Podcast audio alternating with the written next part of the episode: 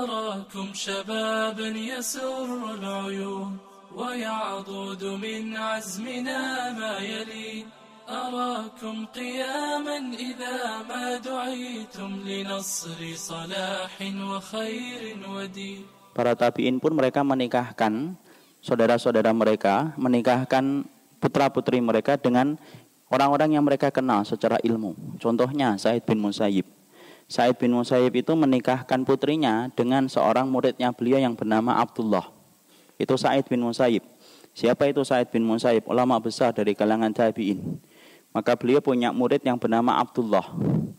Ketika muridnya beberapa hari tidak nampak di dalam majelis ilmu, Said bin Musayyib rahimahullahu taala ngomong, "Mana Abdullah?" Gaib. Dia tidak ada. Sampai akhirnya beberapa hari kemudian ketemu dengan putra dengan Abdullah, muridnya beliau sendiri. Kemudian Said bin Musayyib kemudian berkata, "Kenapa kamu tidak nampak beberapa hari?" Kemudian Abdullah berkata, "Telah meninggal istriku." Sudah menikah kembali? Belumlah, baru aja meninggal. Lalu kemudian Said bin Musayyib berkata, tidak layak seorang laki-laki melewati malam tanpa kehadiran seorang istri. Masya Allah. Cari ustadz kayak gini nih, susah nih. Alhamdulillah coba kalau anak saya 13 perempuan semua saya nikahkan dengan antum-antum insya Allah. Maka kemudian dilanjutin atau tidak ceritanya? Maka kemudian akhirnya Said bin Musayyib setelah itu kemudian kamu nikahi putri saya. Putri ulama pak, tidak main-main.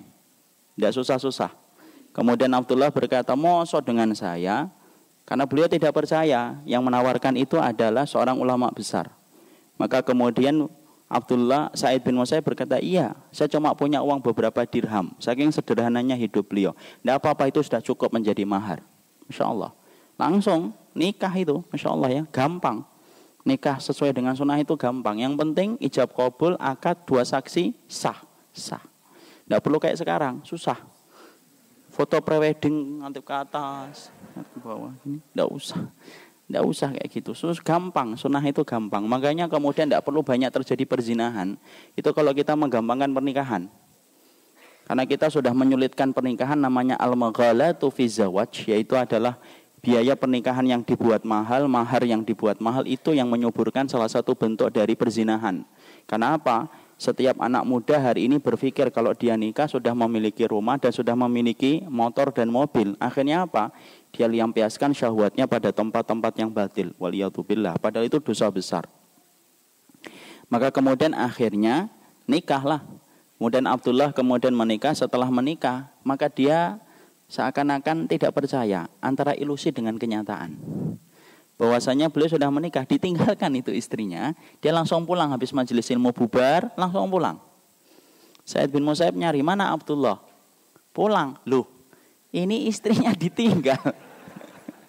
ini gimana sih pengantin baru ini istrinya ditinggal ini. Maka kemudian akhirnya dicari, oh enggak ada. Maka kemudian Said bin Musaib menggandeng tangan itu kemudian putrinya Dicari rumahnya Abdullah itu. Mana Abdullah itu?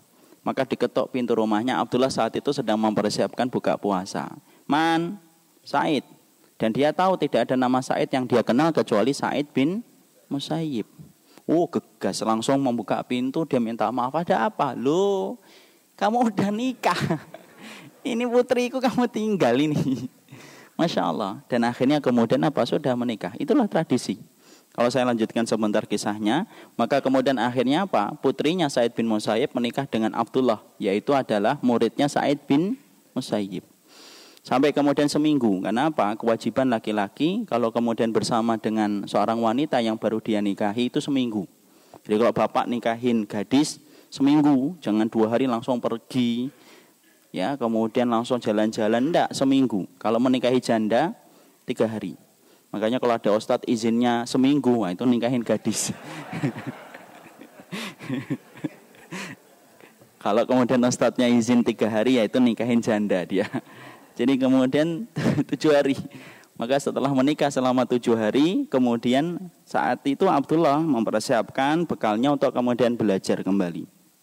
Putrinya ngomong, mau ke mana? Ke majelis ayahmu, Said bin Musayyib untuk menimba ilmu, yaitu hadis.